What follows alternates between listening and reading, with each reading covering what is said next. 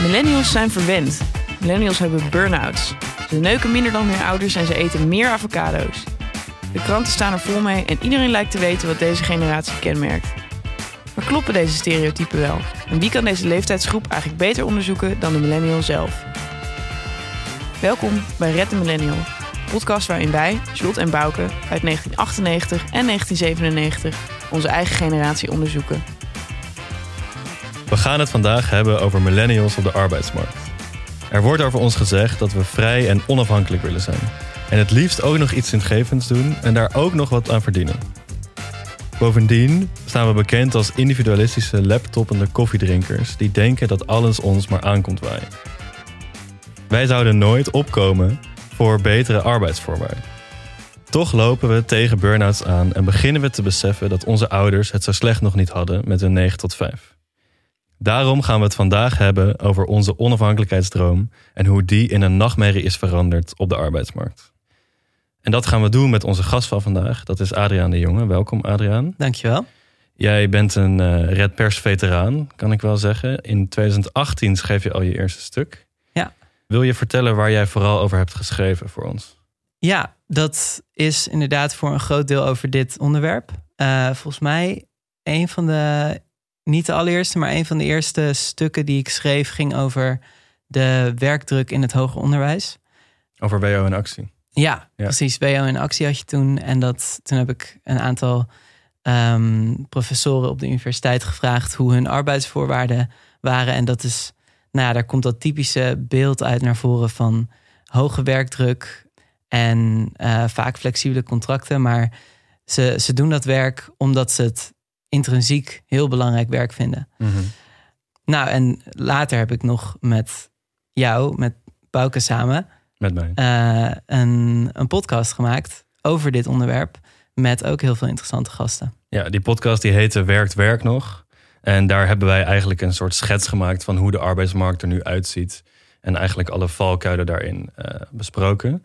En daarom dachten wij dat jij eh, vandaag de perfecte gast zou zijn om het met ons over dit onderwerp te hebben. Ook het perfecte moment. Hoezo?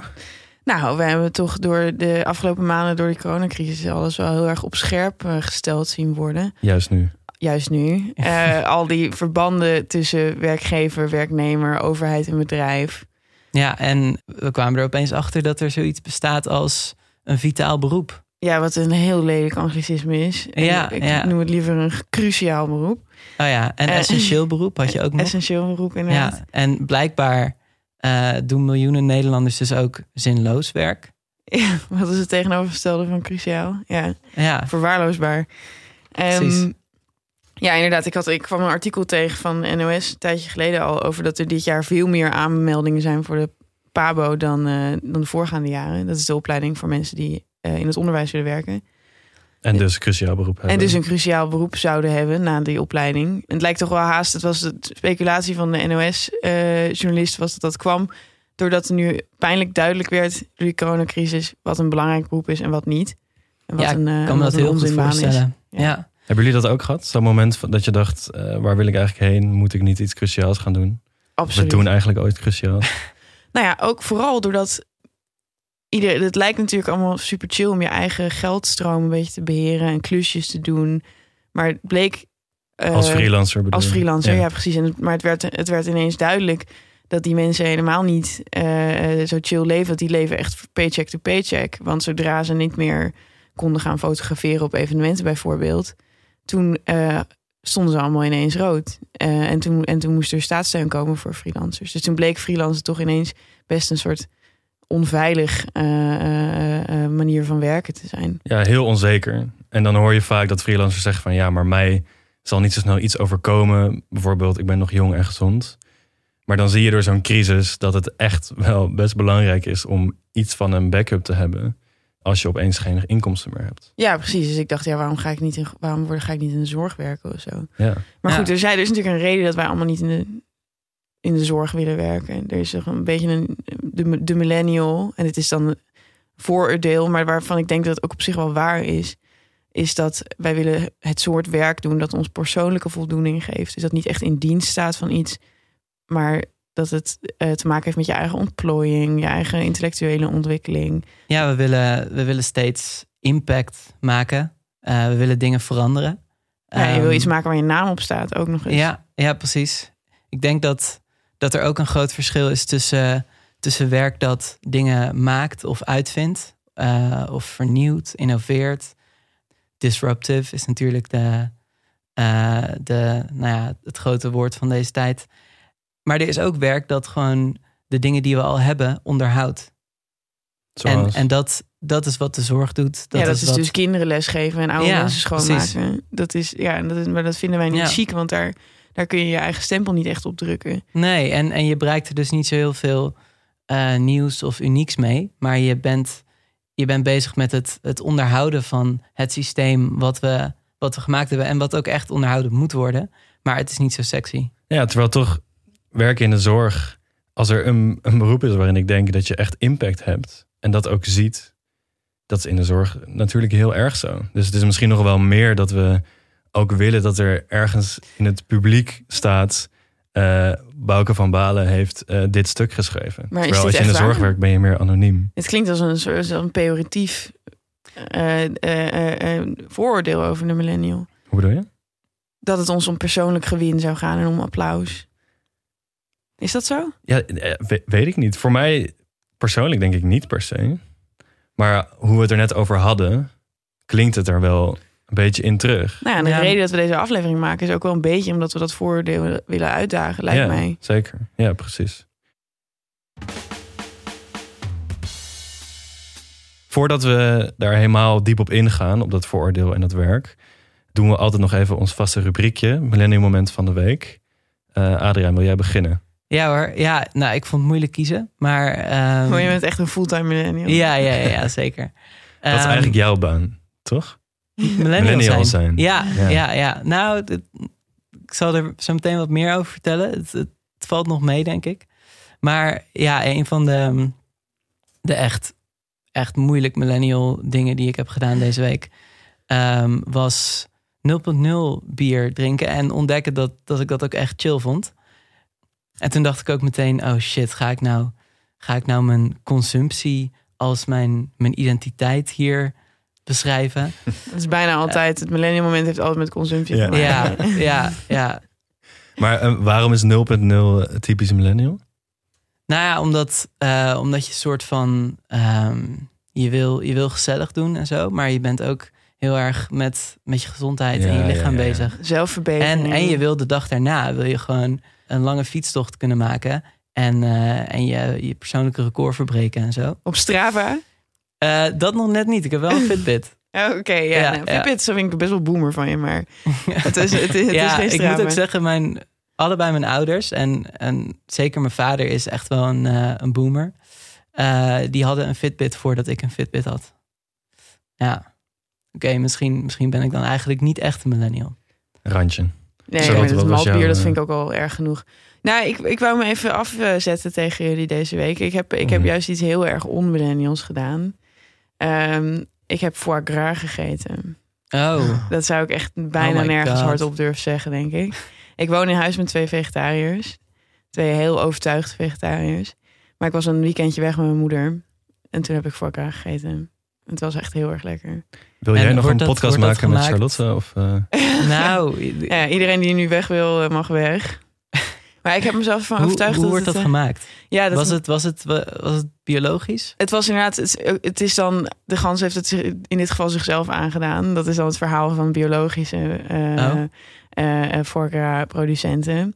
In het ergste geval wordt er inderdaad zo'n trechter ingeduwd Ja, om die le- lever te vervetten.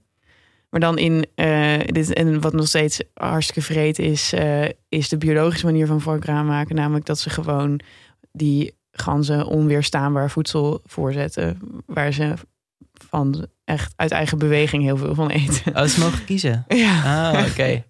Nee, dan, dan is het goed. je zou best kunnen zeggen dat ze dan wel een heel fijn leven hebben gehad. Nou ja, ik weet het niet. Ik weet niet of een gans met een eetverslaving een fijn leven heeft gehad. Ik, eh, ik ben me in ieder geval hyperbewust van mijn eh, zonde. Maar heb je ervan Maar- genoten? Ja, eens en nooit meer. Eens en nooit meer. Ik vind wel, als je het dan toch een keer doet. Ik vind dat omdat eh, toen, ja, inderdaad, als Adriaan intussen 0.0 Heel aan het drinken was, vind ik dat de balans weer opgemaakt is. Ja. En jij, Bouke? Ehm, ik heb eh, deze week een, eh, een schilderij gekocht. Een van mijn beste vrienden was jarig. en hij wilde graag een schilderij van Amsterdam. En we, dat gingen we met de vriendengroep aan hem geven. En ik ging een beetje op zoek, schilderijen opzoeken. En ja, het is best duur. Ik kwam een schilderij tegen van volgens mij 240 euro of zo. En toen wilde we dat gaan kopen. En toen stuurde een van mijn andere vrienden van... Jongens, eh, we zijn bijna gedropshipped. Wat? Gedropshipped. Ik weet niet of jullie weten Ken wat ik dat. Nee, ik heb geen idee. Dropshippen is, dat doen heel veel millennials. Ik denk zelfs eerder nog Gen Zennials worden daar tegenwoordig rijk mee. Je koopt dingen heel goedkoop in op AliExpress. Eh, en dan Oh, verkoop je het daarna Ja. zelf voor veel meer geld. Met hele zieke marketing. Ja. Gewoon. Oh. Eh, Bol.com staat inmiddels vol met gedropshipte producten. Dus als je iets ziet op bol.com, zoek het altijd elke keer op op AliExpress. Kleine tip. In ieder geval, dat mooie schilderij dat ik had gevonden, eh, dat kwam ook van AliExpress. Daar was het eh, 150 euro. En Het toen valt heb, nog mee. Ik was bang dat het een tientje was of zo. ja, en toen heb ik dat gekocht. Eh, dus ik heb een schilderij gekocht op AliExpress. Vond ik wel vrij millennial. Hey, maar was die, was die huisgenoot van jouw vriendin dan ook niet aan het dropshippen? Vorige week. Ja?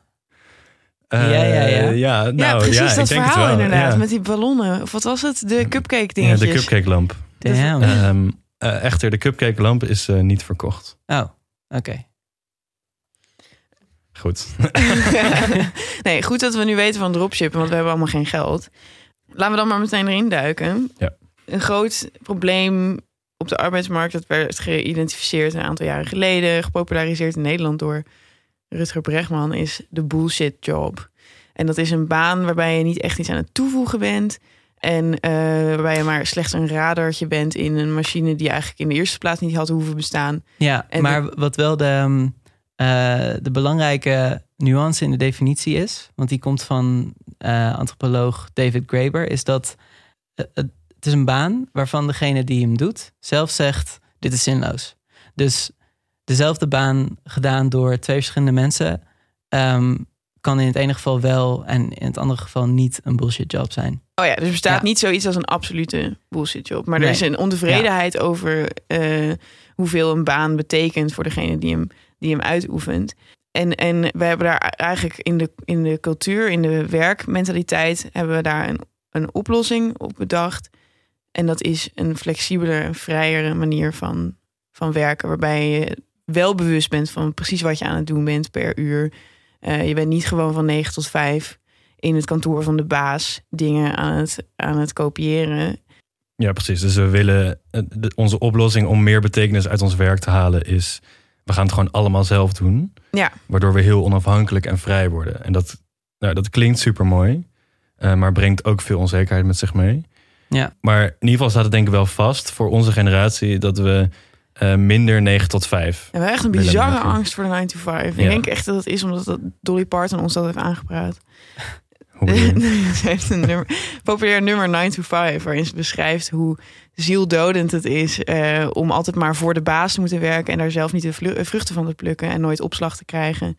En eh, de controle te, eh, af te geven aan, eh, aan een baas. ja. Weet je uit welk jaar dat nummer komt? Dat is heel oud. Maar, Oké. maar, Ja, maar dat- dat eh, zal Dolly wel. Parton heeft een hernieuwde eh, op eh, onder, de, onder de girls and the gays heeft Dolly Parton gewoon Ah altijd. ja, oké. Ehm, Maar het, het grappige is dus dat inderdaad in rond de jaren 60, de, de tijd van de hippies en de tijd van de babyboomers, was dat idee van 9 to 5 inderdaad, eh, dat stond gelijk aan een saai burgerlijk leven. En mensen die daartegen in opstand kwamen, dat, dat waren de progressievelingen.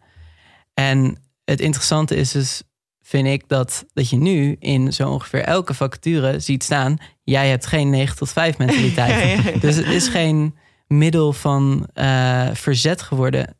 Eh, van verzet meer. Het is een plicht geworden om geen 9 tot 5 mentaliteit te hebben. En wat dat nu betekent is dat. Dat je eh, s'avonds bereikbaar dat je bent voor je baas. Ja, precies. Dat je, dat je niet mag zeiken als je avonden en weekenden werkt. Dat vind ik altijd, oh, dat vind ik echt ziekelijk. Als dat in een vacature staat, dat betekent namelijk gewoon van jou, jouw Slack moet altijd aanstaan. ja. Ehm, Precies. en 9 tot 5 mentaliteit. Alsof jij niet gewoon eh, bepaalde uren wel aan het werk wil zijn en andere uren niet. ja.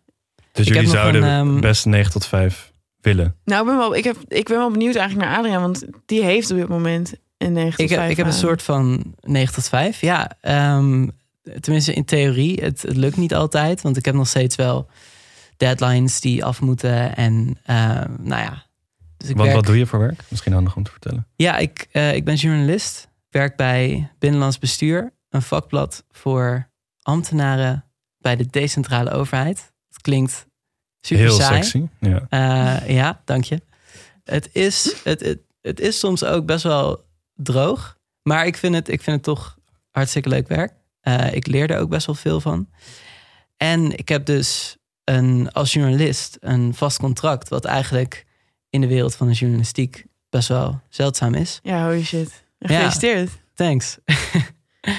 en ja, nou, die 9 tot 5, dat, dat, dat lukt dus niet altijd, maar nou, op zich meestal wel.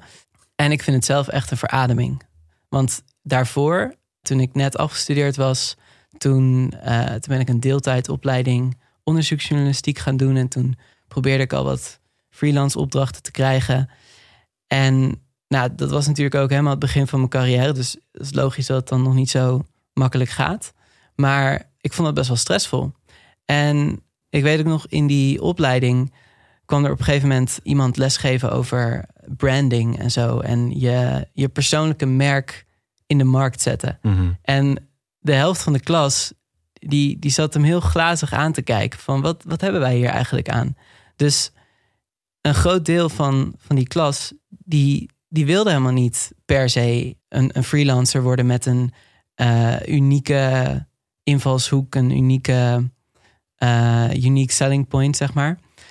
Die, die wilde gewoon onder een redactie werken in een team. En ik denk dat dat ook best wel menselijk is. Nou ja, dat is Ehm, wel dat bizarre eh, bijkomstigheid van, van die vrijheid. Is dat je nu inderdaad moet. En dat er een soort cultuur is ontstaan van eh 24 uur per dag on the grind zijn en on the hustle zijn. Jij Ja. bent verantwoordelijk voor jouw inkomen.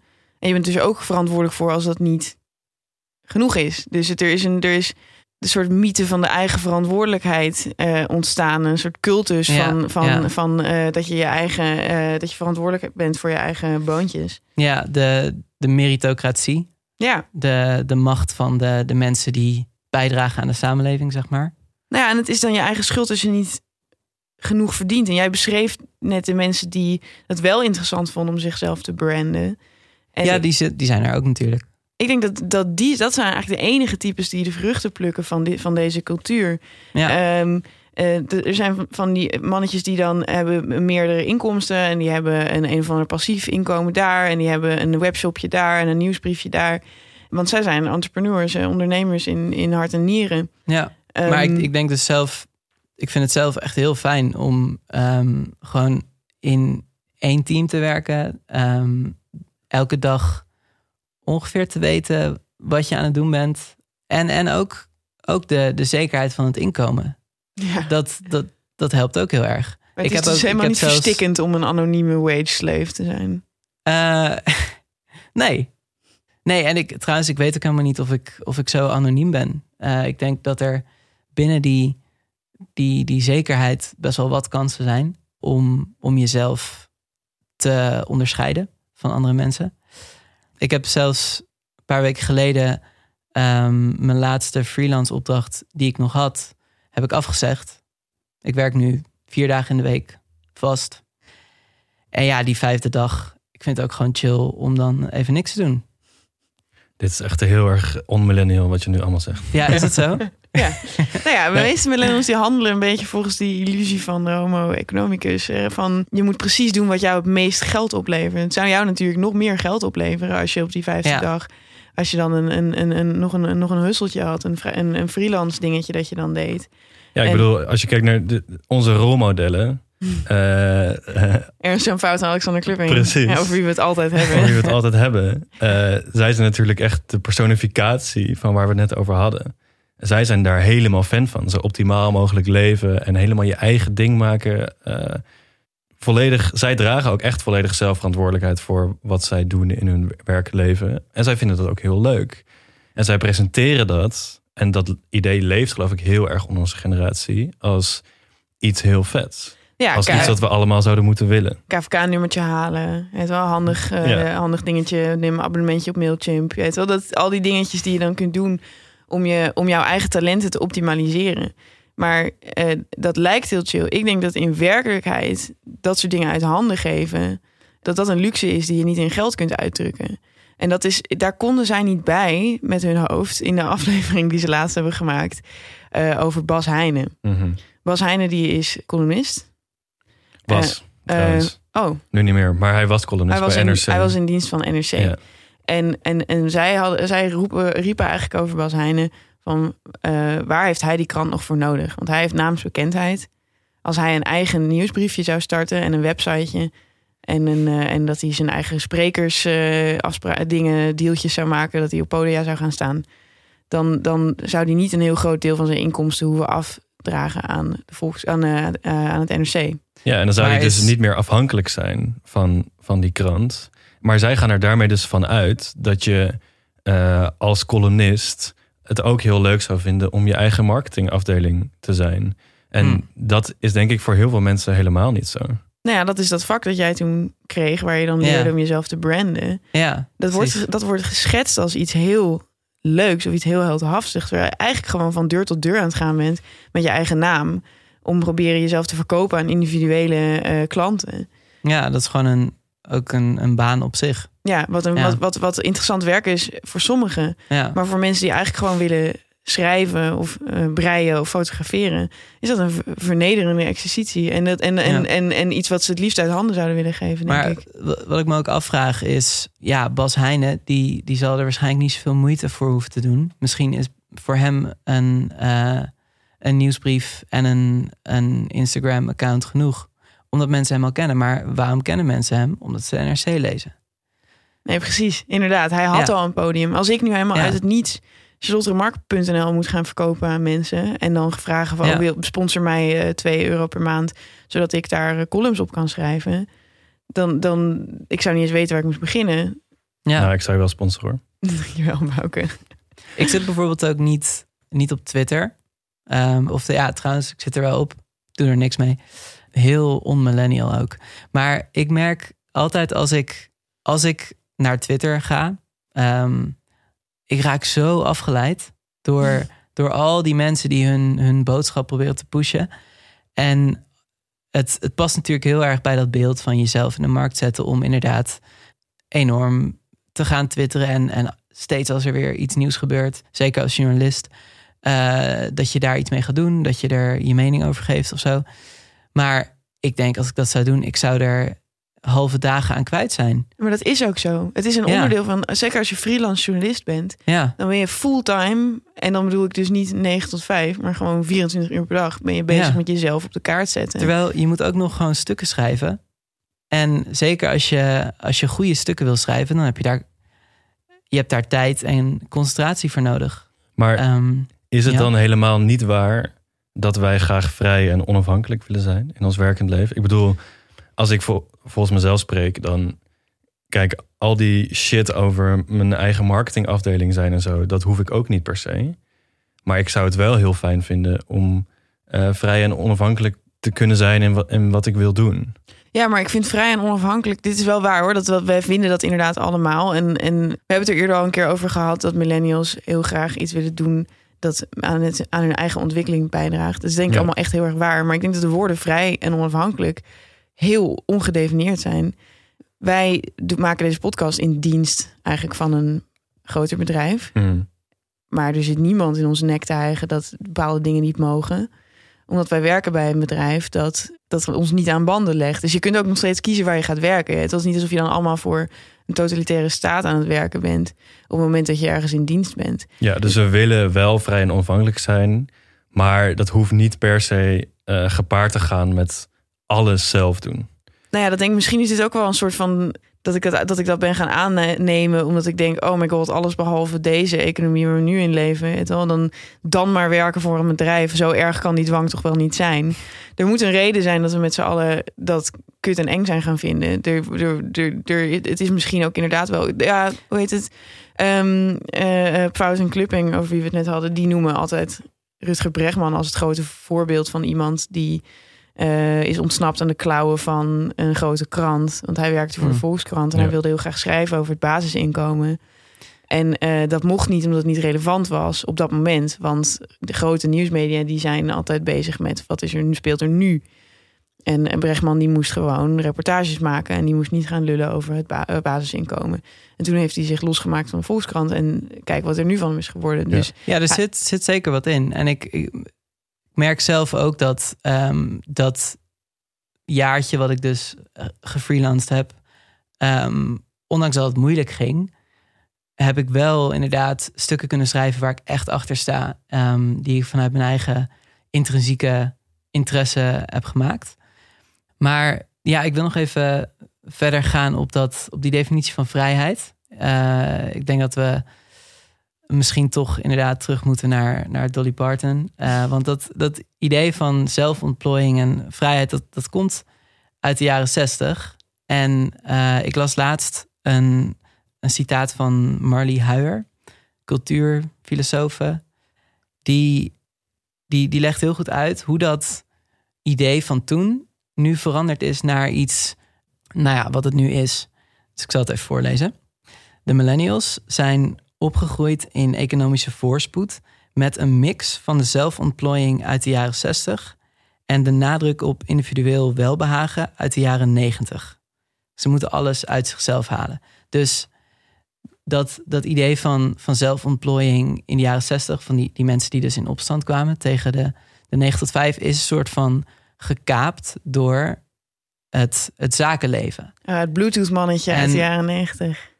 Ja, wie is dat? Nou, dat zijn die, dat zijn die zieke, zeg maar, Wall Street ma- mannen die Ja, echt ja, ja, keihard werkten en die van zichzelf Ja, iets, iets uitzonderlijks maakten. Ja, nou ja, en je ziet dus ook dat ehm, dingen die in de jaren zestig al eh, populair waren, yoga, mindfulness, eh, psychedelische drugs, die worden nu nog steeds gebruikt, maar met een heel ander doel. Niet om per se onszelf te ontdekken, maar om productiever te zijn en nog creatiever.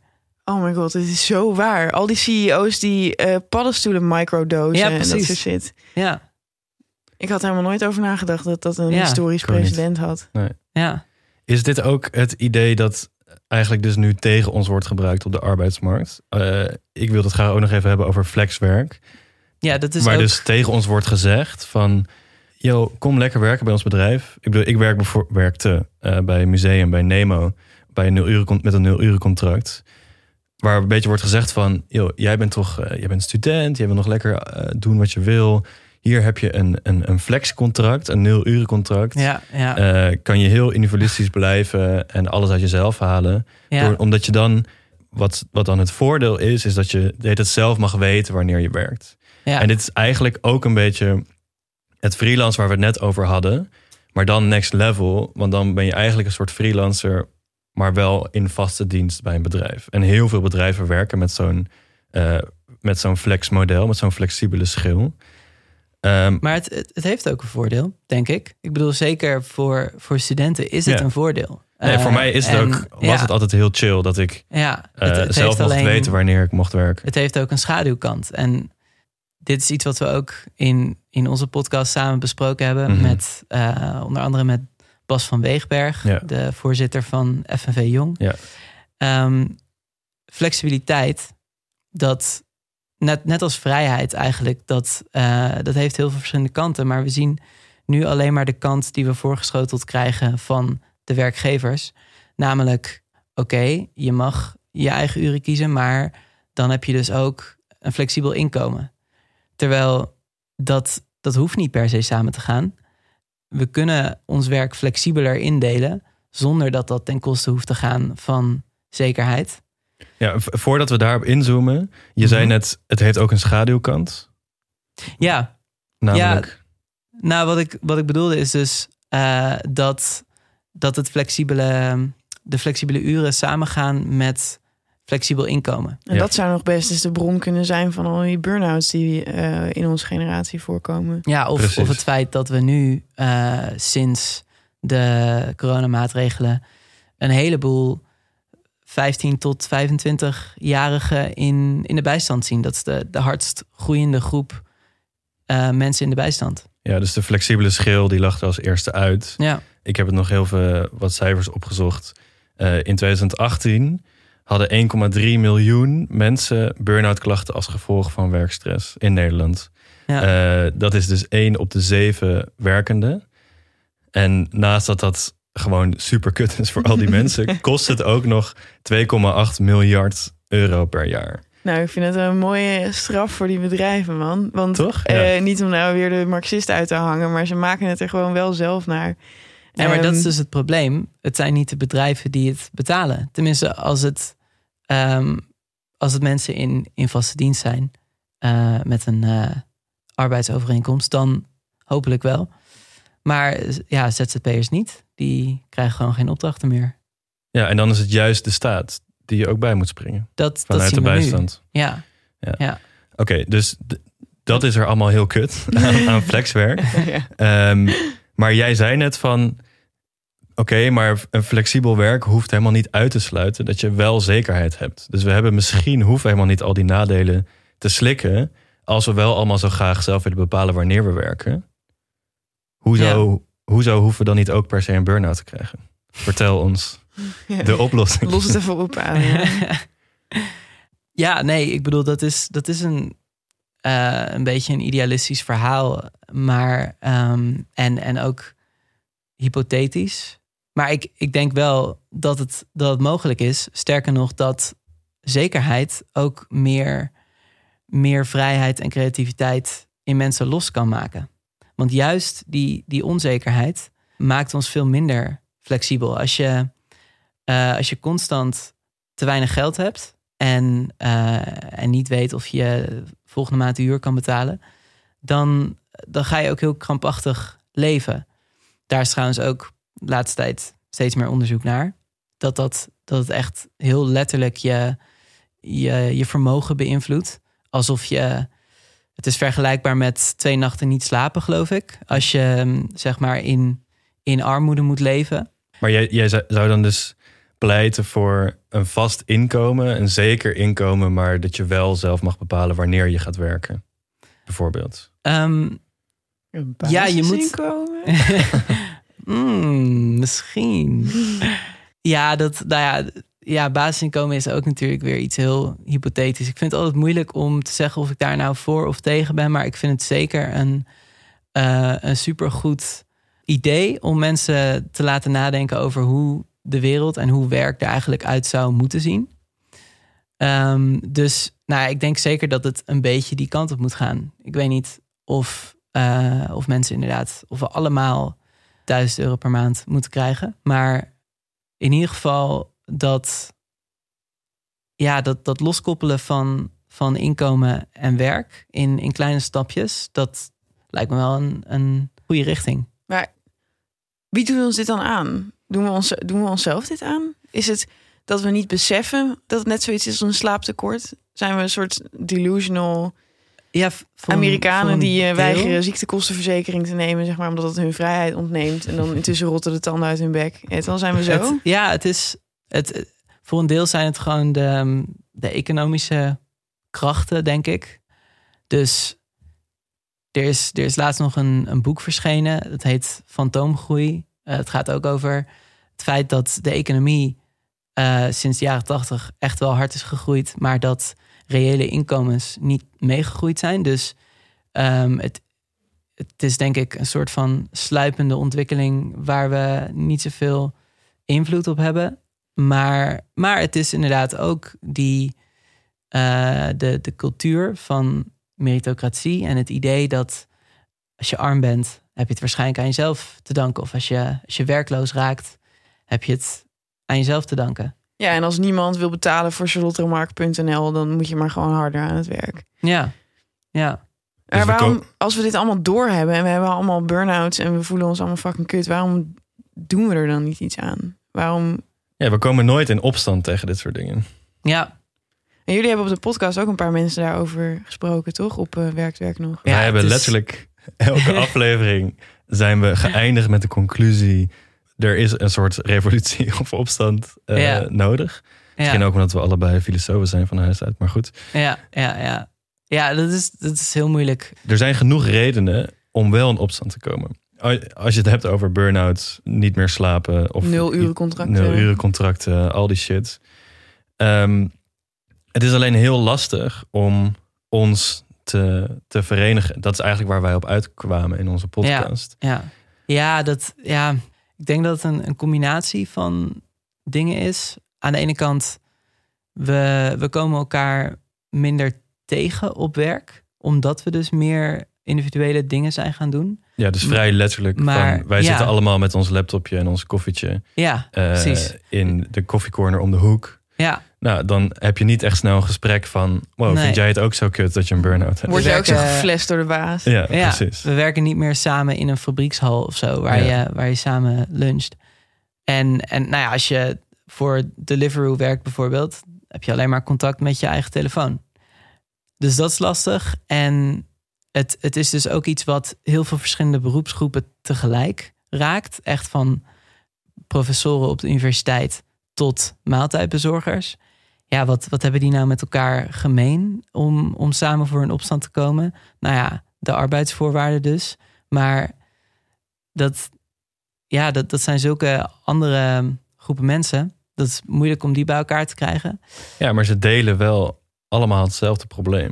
Ja, ik denk dat we ook niet onder ogen willen zien dat we dat probleem Ja, hebben hoor. dat Want denk ik denk, ik denk dat bijvoorbeeld dat de vakbond zoals die is bedacht voor eh, fabrieksmedewerkers, wij willen er helemaal niet over nadenken. Want dan moet je dus jezelf gaan vergelijken met een fabrieksmedewerker. Dan moet je dus toegeven dat het niet helemaal door jou bedacht is, dat thuiswerken en dat freelancen. Dan moet je dus toegeven dat ook jij aan een lopende band iets aan het doen bent.